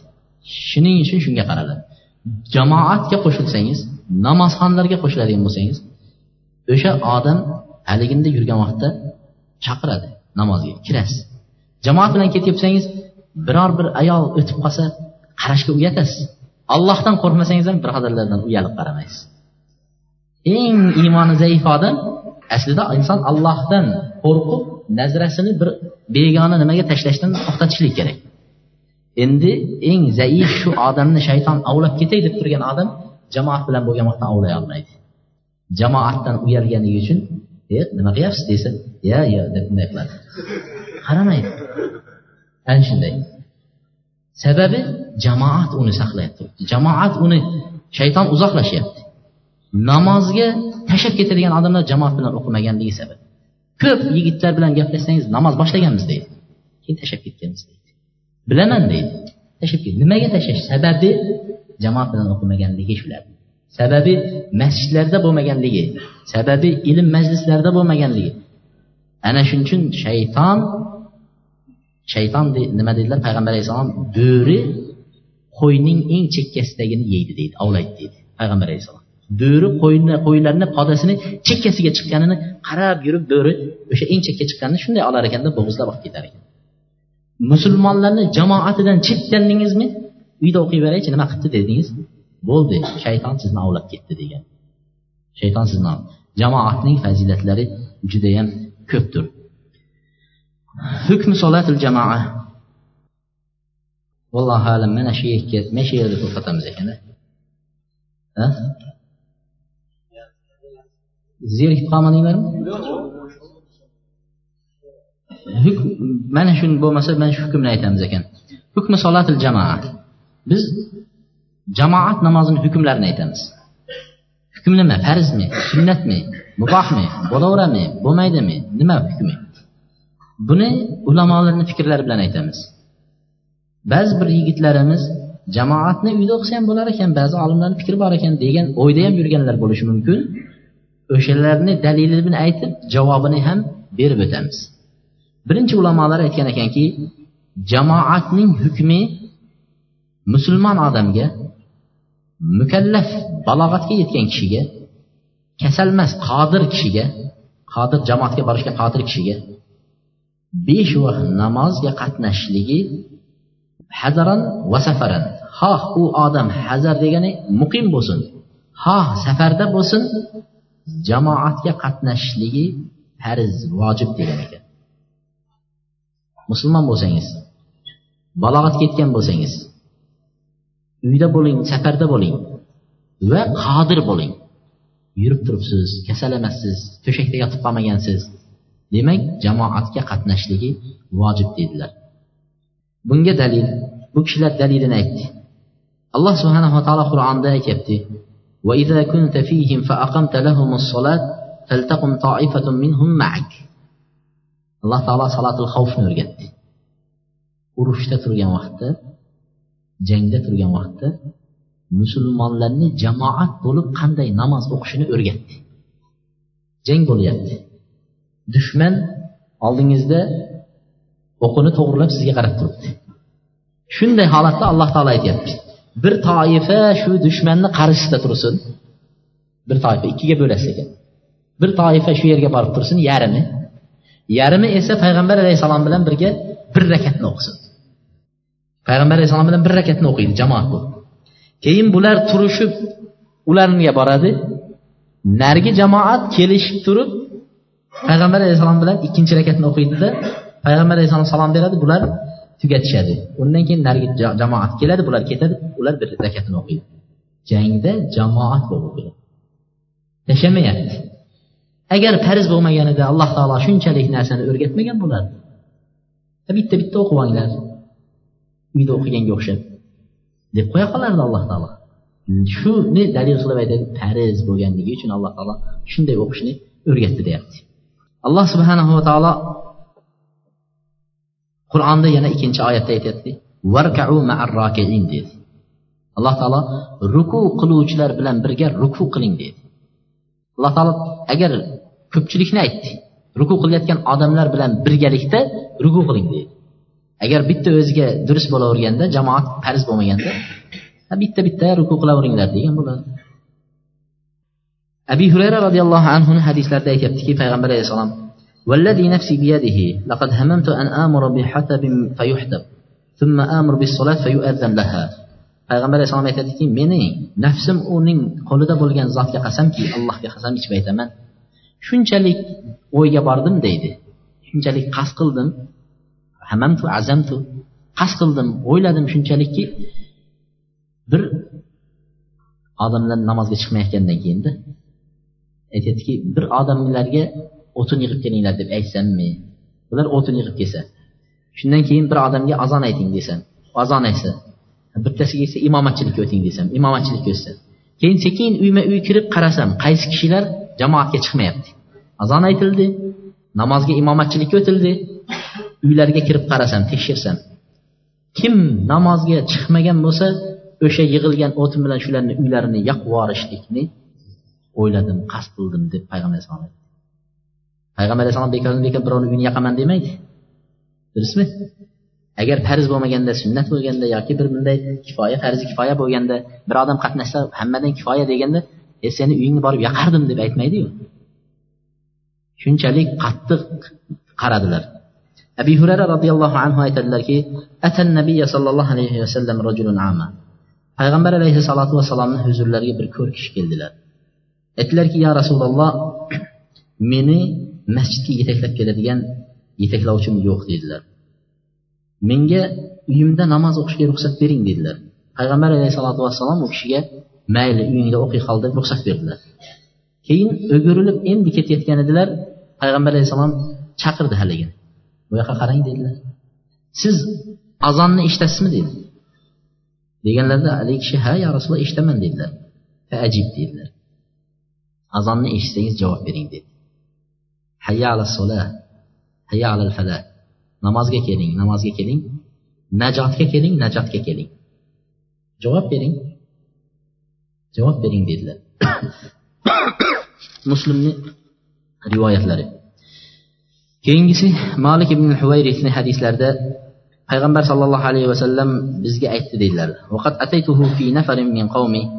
u kishi malik ibn huvayris bir uzoqroq qishloqdan payg'ambar alayhissalomni oldilariga kelganlar. Bu yerda turganlar ozgina ta'lim olganlar. Shundan keyin endi ketayotgan vaqtda aytdilarki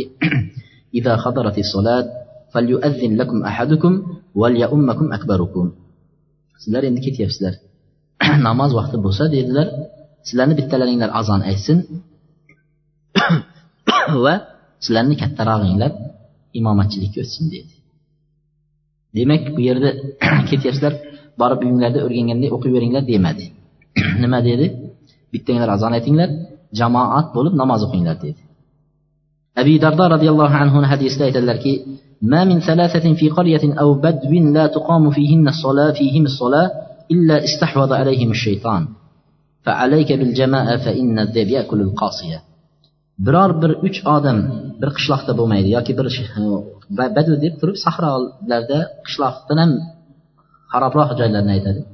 O'shanday bir qishloqlarda bir uch odam bo'lmaydiki uch odam bo'lsa ham ular nima qiladi? Namozni jamoat bo'lib o'qishlari kerak. Agar jamoat bo'lib o'qimasa shayton ularni istahvoza alayhim degan egallaydi. Shayton tepalariga turadi. Jamoat bo'lib yolg'iz yolg'iz uyda o'qiyapsa shayton ularni egallagani o'sha bo'ladi. Va sizlar jamoatni lozim tutinglar mahkam ushlanglar dedi payg'ambar alayhissalom. Chunki bo'ri chekkadagilarni yeydi dedi qosiya chekkada yolg'iz yolg'izlanganni yeydi dedi ibn abbos roziyallohu anhu aytadilar payg'ambar alayhissalom aytdi man kim nidoni eshitib turib unga javob bermasa unga namoz yo'qdir magaram uzr sababli qolsagina ruxsat degan uzri bo'lsagina jamoatdan qolishga yaroqli uzr bo'lsa ruxsat bo'lmasa deganlar namozi unga namoz yo'qdir dedilar abdulloh ibn masud roziyallohu anhu aytadilar لقد رأيتنا وما يتخلف عن الصلاة إلا منافق قد علم نفاقه bizni davrimizda namozdan taxalluf degani orqada qoladiganlar namozdan kechikadiganlar namozdan orqada qoladiganlarni faqat aniq munofiqligi ma'lum insonlargina namozini kechikardi dedi. Namozga taxalluf kelmasdi. Aniq munofiq odam dedi. Yoki kasal odam. Lekin deydi kasallar ham shunchalik bo'lardiki ikki kishining orasida suyanib namozga jamoatga kelardi deydi abdulloh ibn masud roziyallohu anhu aytyapti kasalim ikki kishini orasiga osilib turib namozga sudrab olib kelardi va qadamlari yerni chizib kelardi dedi. Ya'ni hatto oyog'ini qo'yishga tikla tikka qo'yishga holi kelmayotgan kasalni shunday sudrab olib kelar ekan namozga kelib safga o'tqizilardi dedi. Inna rasululloh sollallohu alayhi vasallam allamana sunanal huda. Payg'ambar alayhissalom hidoyat yo'llarini bizga o'rgatdi to'g'ri yo'lni o'rgatdi va to'g'ri yo'llardan biri hidoyat haq yo'llardan biri jamoat bilan azon aytilgan masjidlarda namoz o'qishlik payg'ambar alayhissalomning eng to'g'ri haq yo'llaridan o'rgatgan sunnatlardan biridir dedilar demak jamoat bilan o'qishlik. La solata lil masjid illa fil masjid. Masjidga qo'shni bo'lib turgan kishilarning namozi durust bo'lmaydi faqat magaram masjiddagina o'qisagina durust degan ekanlar qo'shni bo'lib turib uyda o'qigan namoz durust bo'lmaydi illo masjidda o'qigani degan ekanlar ali الله anhu min qawlihi قوله zada وجار masjid man أسمعه munadi. Masjidning qo'shnisi kim deganlarida azon eshitiladigan odamlar masjidga qo'shni bo'laveradi degan ekan. Kimgacha azon eshitilsa shu odam masjid qo'shnisi hisoblanadi degan. Ammo endi jamoat namozi farz emas vojib emas deyayotgan odamlarni ham dalillariga to'xtaymiz va unga javob beramiz. Jamoat namozi sunnat yoki bo'lmasa farzi kifoya deyotgan kishilar bor ekan. Bular aytishadiki mana payg'ambar alayhissalotu vassalom aytdi deydi. Uyda o'qigan yolg'iz kishining namozidan ko'ra jamoat bilan o'qigan kishining namozi yigirma yetti daraja afzal deyapti afzal ortiq deyapti deydi. Payg'ambar alayhissalom uyda o'qigandan ko'ra masjidda o'qigan yigirma yettita ortiq farz demayapti afzal deyapti. Afzallik bu vojibga dalolat qilmaydi deyapti. Ortiqroq deyapti payg'ambar alayhissalom. Uyingda o'qisang bir daraja olasan ya'ni durust emas hech ham yo'q deb aytmadiyu deyapti. Hech bo'lmasa bir savob bo'lsa ham egallaysan uyda deyapti deydi. Bu yerda ulamolar aytgan ekanki bu payg'ambar alayhissalom bu yerda namozning fazilati haqida savobi ko'pligi haqida gapiryapti. Hukm haqida gapirayotgani yo'q. Namozni hukmi haqida namoz uyingda o'qiganing durust emas yoki jamoat bilan o'qishing farz deb gapirmayapti. Bu yerda ortiq savobi ko'pligini aytmoqchi. Shuni yaxshi tushunishimiz kerak deb javob bergan ekan. Ikkinchisidan payg'ambar alayhisalotu vassalomni haligi hadisni keltirishadi. Yazid ibn asvad roziyallohu anhuni hadislarida ikki kishi payg'ambar alayhissalotu vassalomni oldilariga keldilar. Ular haligi karvon to'xtagan joyda karvonlarga qarab turardi. Birovlar o'g'irlab ketmaslik uchun boshqa uchun karvonga odam tayinlaydi. Shu odamlar karvonlarga qarab turib shu joyda ikkisi namoz o'qishdi. Ikkovlari namoz o'qishdi.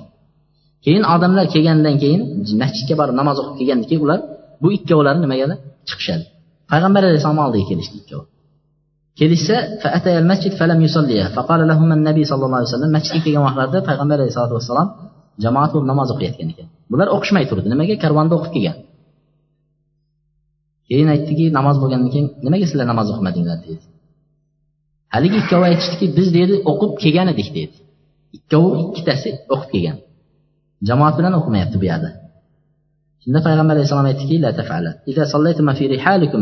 agar sizlar o'zinglarni karvoninglarda o'zinglarni joylaringlarda o'qisanglar undan keyin masjid jamoat bo'lib o'qiyotgan masjidga kelsanglar o'shalar bilan qo'shilib o'qiyveringlar alohida chekkada turmanglar va sizlarni o'qigan namozinglar ikkinchi o'qigan namozinglar nafl bo'lib qoladi sizlarga deydi. Bu yerda odam ummatni tafriqa qilishlikdan qaytaryapti.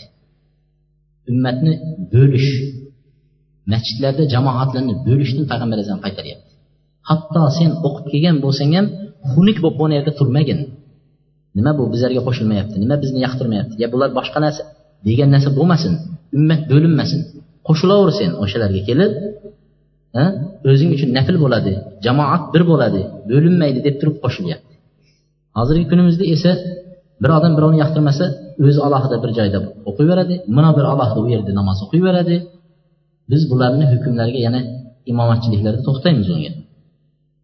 U durust narsa emas. İkkinchidan payg'ambar alayhisalotu vassalom deyapti bular aytyaptiki o'sha o'zlarini karvonlarda o'qib kelgan vaqtlarida payg'ambar alayhissalom yo'q sizlar o'sha yerda o'qishinglar durust emas masjidga kelib o'qishinglar kerak edi deb aytmadiyu deyapti demak uyingizda o'qisangiz ishingizda o'qisangiz bir joyda o'qisangiz durust ekanda nimaga u ikkisini qaytarmadi payg'ambar alayhissalom deyishar ekan. Bu yerda aytadiki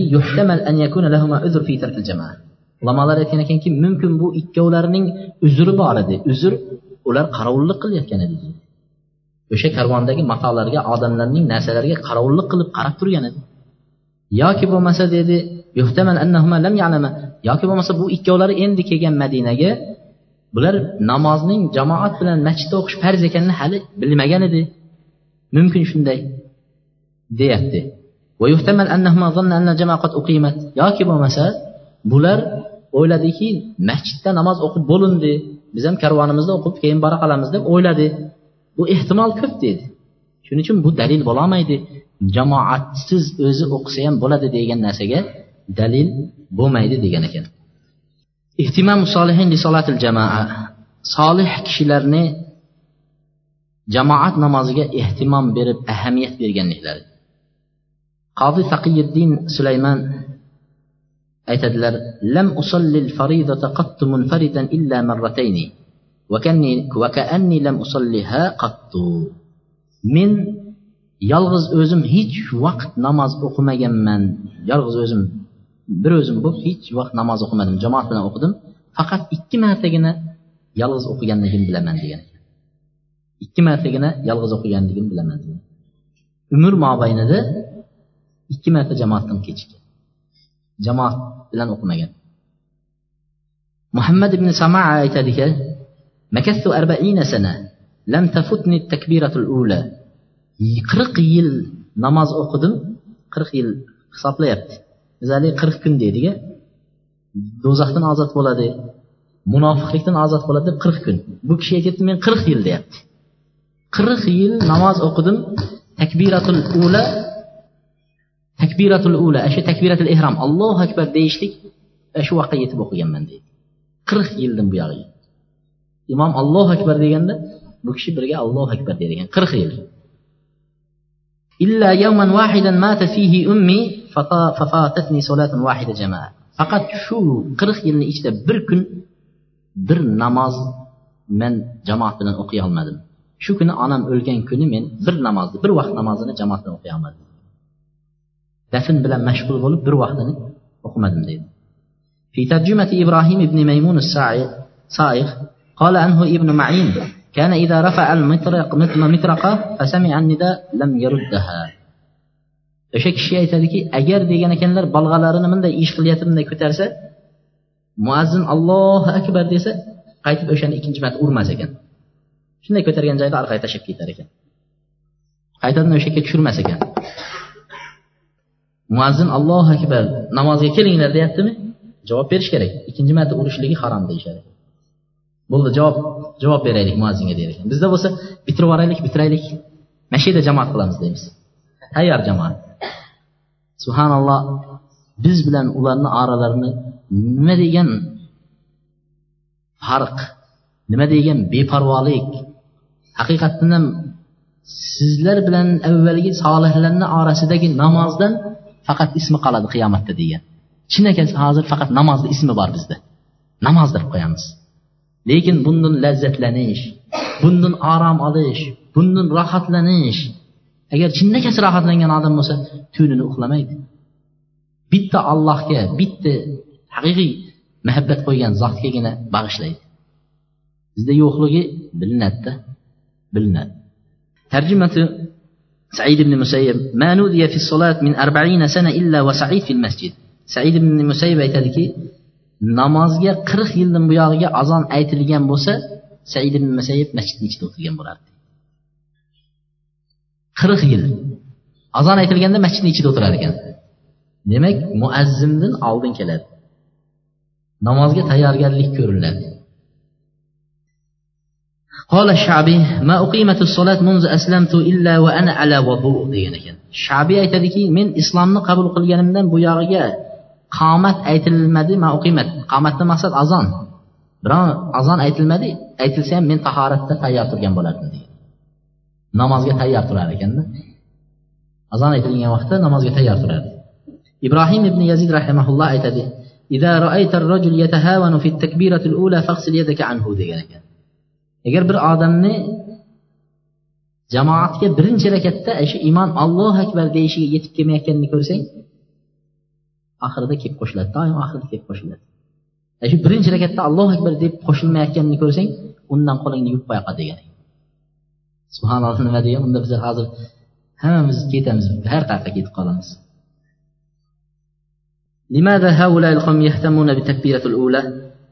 Nima uchun takbiratul ulaga shunchalik birinchi allohu akbarga shunchalik ahamiyat berdi desak yuqoridagi hadis payg'ambar alayhisalotu vassalom aytgan hadislari kim qirq kungachayin takbiratul ehromga yetib o'qiydigan bo'lsa do'zaxdan ozodlik beriladi va nifoq munofiqlikdan ozodlik beriladi degan hadisga amal qilishgan ekan. Ayna tuqomu solatul jamoa. Jamoat namozlari qayerlarda qoyim etiladi deydi. Aslida jamoat namozlari masjidlarda qoyim etiladi. Chunki masjidlar islomning shariatlarini birini izhor qilish uchun qurilgan o'rinlar hisoblanadi. Ikkinchidan masjidlarnida namozga jamoat bo'lishlik bu masjidlarni obod qilishlik turidan biridir. Alloh subhana taolo qur'onda innama ya'muru masajidalloh man amana billah val yawmil akhir va aqama salah allohni masjidini obod qiladigan kishilar kimlar allohni masjidini obod qiladiganlar desa aytadiki allohga iymon keltirganlar oxirat kuniga iymon keltirganlar va namozlarni qoyim qiladiganlar masjidlarni obod qiladi deydi. Masjidni obod qilishlik shu masjidda namoz o'qish jamoat ko'payishligi masjidda bo'lishligi besh vaqt namozni jamoat namozlarini masjidda o'qishligi bilan bo'ladi deyapti. Ammo bir odam ishxonalarda bo'ladigan bo'lsa shu ishxonalarda musolla deydi namozxona ajratib qo'ygan bo'lsa shu joylarda namoz o'qishligini hukmi nima bo'ladi? Ishxonalarda namozxonalarda. Va shu joyda o'qigan namozga jamoatning savobi beriladimi berilmaydi? degan savol لكن تجوز إقامة صلاة الجماعة في مكان العمل في مصلى فله أجر الجماعة agar ishxonalarda namozxona ajratib shu joylarda namozni jamoat qilib o'qiydigan bo'lsa joiz va unga jamoatning savobi beriladi lekin lekin nima narsadan mahrum bo'ladi ko'p savoblardan mahrum bo'ladi jamoatning namozi beriladi lekin ko'p savoblardan mahrum bo'lishligi birinchidan allohning uyini obod etadigan odamlar masjidlarni obod etadigan odamlar allohga iymon keltirgan oxiratga iymon keltirgan va nima deganlar? Namozni qoyim qiladi masjidda degan o'sha oyatdan mahrum bo'lyapti.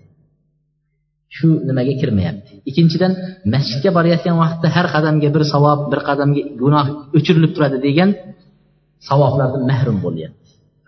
Ko'p savobdan mahrum bo'ladi. Lekin jamoat bilan ishxonada o'qisa ham bo'ladi jamoat savobi beriladi lekin manaqa savoblardan nima bo'lyapti? Mahrum bo'lib qolyapti. Savobi man xaraja yuridu fil jamaa fawajadahum qad sallu. Bir odam jamoat bilan namoz o'qiyman deb uyidan chiqdi. Chiqsada kelsa jamoat o'qib bo'lgan. U savob oladimi jamoat savobini yoki u mahrum bo'ladimi? Ya'ni uyda o'qigan bilan bab barobarmi qanday bo'ladi degan savol.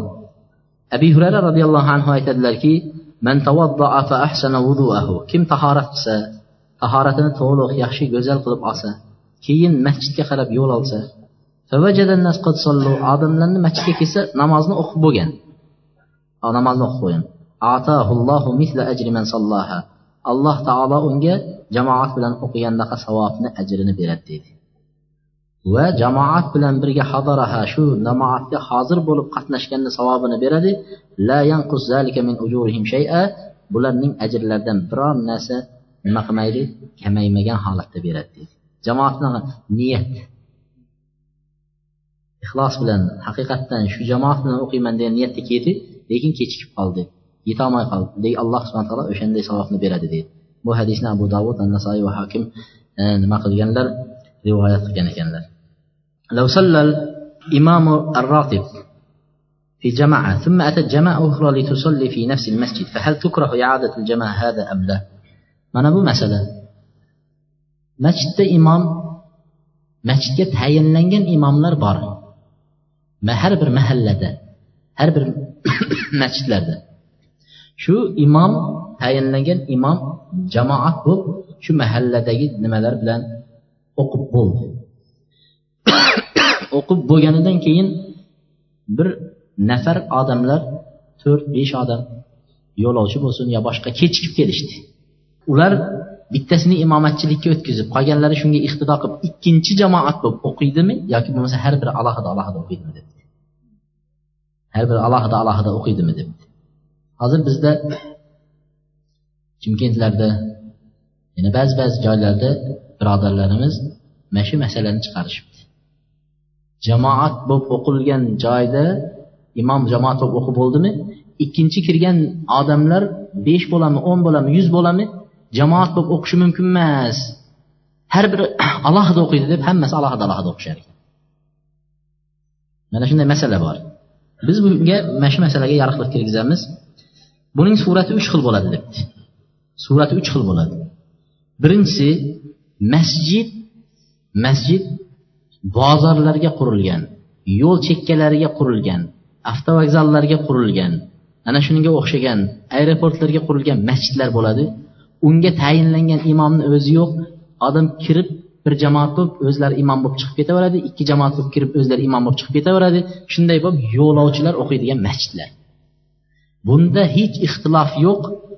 Ikki odam bo'lib kirdingizmi to'rt odam bo'lib kirdingizmi? O'qib chiqib ketaverasiz. Sizdan keyin kirgan odam ular o'zlari jamoat bo'lib o'qib chiqib ketaveradi. Ixtilof yo'q birinchi surat. Tushunarlimi? Ikkinchi surati an yakuna fil masjid jama'atani daima. Ikkinchi surati bir masjidning o'zida doim ikki jamoat bo'lib namoz o'qiydi. Ikkovini ham o'zlarini imom bor. Mana bir imomni bir odam yomon ko'radi. Yaxshi ko'rinadi. Yoqtirmadi darrov o'zini atrofiga o'ziga o'xshaganlarni yig'ib oladi. Haligini yomonlaydi bir narsa deydi unday deydi bunday deydida darrov o'ziga ikkita uchta odamni ag'dirib oladida bunisi bir jamoat bo'lib o'qiydi. Bu bunga iqtido qilishni xohlamaydi. Shuning uchun yo besh minut avval kelib namoz o'qiydi yo besh minutdan keyin kelib namoz o'qiydi. Haligiga iqtido qilmaslik uchun. O'ziga ergashadigan odamlar shu vaqtga keladi. Bir masjidni o'zida o'qishyapti ikki jamoat bu harom va bidatdir deydi. Harom. Va bidatdir durust emas. Bu namoz. Endi uchinchisi uchinchisi anyakuna arida tasodif bo'lib qoldi deydi. Boyaginaqa masjidni nimasi? Tasodifan. Tasodif degani o'sha mahallaning tayinlab qo'ygan imomi bor. Masjidda jamoat bilan o'qib bo'lgan edi. Tasodif ikki odam yo uch odam bir kechikib kelib qoldi. O'shalar endi o'qiydimi shu yerda jamoat bo'lib yo alohida alohida o'qiydimi degan masala uchinchi masalada ixtilof uchinchi masalada ixtilof ulamolardan ba'zilari aytgan ekanki la tuadul jamaa bal yusalluna furada. Jamoat jamoat bo'lib o'qimaydi yolg'iz o'qishadi degan ekan. Yolg'iz o'qishadi o'zlari degan ekan. Nimaga? Birinchi jamoat o'qib bo'ldi ular o'zlari yolg'iz o'qishadi degan. Dalili nima desa ular yana jamoat bo'lsa bir masjidni o'zida bir namozga ikki uch to'rt jamoat bo'laversa ummat bo'linadi. Shuning uchun yolg'iz yolg'iz o'qib chiqib ketsinda ikkinchi marta jamoatga yetib kelishga harakat qilsin. Degan maqsad yaxshi maqsad ularniki chunki hozirgi kunimizda agar shuni oladigan bo'lsak hamma bo'linib ketib qoladi. Lekin bu gap bu aytgan gapi zaif gap. Zaif gap. Tushundingizmi? Endi ba'zi ulamolar aytadiki yo'q. Kechikib kelsangiz ham ikki odam bo'lib uch odam bo'lsangiz ham jamoat bo'lib o'qiysiz degan ekan. Dalil nima? Hadis ubay ibn kabning dalillari payg'ambar sallallohu alayhi vasallamni nima qildilar? Solatul rajul ma'ar rajul azka min solatihi wahda. Bir kishi bir kishi bilan qo'shilib o'qiyotgan namozi yolg'iz o'qigan namozdan yaxshiroqdir dedilar. Ikkita bo'lib o'qisangiz yolg'iz o'qigandan yaxshi deydi va ikki kishini uch kishi bilan bo'lib o'qigan namozi undan ham yaxshiroqdir qanchalik jamoat ko'p bo'lsa alloh subhana taolo shunchalik yaxshi ko'radi deydi. Demak jamoat o'qib qo'ygan bo'lsa ikki odam bo'lib kelsangiz ham jamoat bo'lib o'qiganingiz alloh uchun yaxshi. Uch odam bo'lib kelsangiz ham jamoat bo'lib o'qiganingiz alloh subhana taolo uchun seviklidir deyapti. Yolg'iz o'qiganinglar yaxshi demayapti. Shuning uchun nima qilinadi? Jamoat bo'lib o'qilinadi degan ekan. Va yana bir hadisda payg'ambar sallallohu alayhi vasallam كان جالسا ذات يوم مع أصحابه فدخل رجل بعد أن انتهت الصلاة namozni o'qib bo'lib o'tirishgan edi namozni o'qib o'tirgan edi bir odam kirdida namoz o'qiy boshladi ya'ni kechikib ketdi bir o'zi shunda payg'ambar alayhissalom aytdiki kim bu kishiga sadaqa qiladi dedi ya'ni bir o'zi o'qisa bir savob endi jamoat bilan o'qisa jamoatni savobini oladi shuni aytdiki kim bu kishiga sadaqa qiladi dedilar shunda qavmdan bir kishi turdida haligi kishiga nima qildilar qo'shilib jamoat bo'lib o'qidi Agar bir o'zi o'qish kerak bo'lganida edi payg'ambar alayhissalom qilayotgani durust qo'yaveringlar degan bo'lardi chunki bular jamoat bo'lib o'qib bo'lgan haligi kishi kirdi payg'ambar alayhisalotu vassalom unga bir kishini qo'shib berdi. Jamoat qilib unga savobni ko'paytirish uchun jamoat qilib o'qishdi ikkinchi jamoat hisoblanyapti. Shuning uchun bir odam kechikib keladigan bo'lsa ikki odam kechikib keladigan bo'lsa nima qilishadi? Jamoat bo'lib turib namoz o'qishadi. Vallohu alam mana shu joyga to'xtaymiz. Hmm, qomat aytilgandan keyin namoz o'qiladimi? Va bir odam namozga kirayotgan bo'lsa rukuda turgan odam yo sajdada turgan odam rukuni uzunroq qilib shu odam qo'shilib olishini kutadimi yo'qmi? degan masalalarni inshaalloh keyingi darsimizda davom ettiramiz. Vallohu alam subhanakallohumma va bihamdik astag'firulloh va atubu ilayk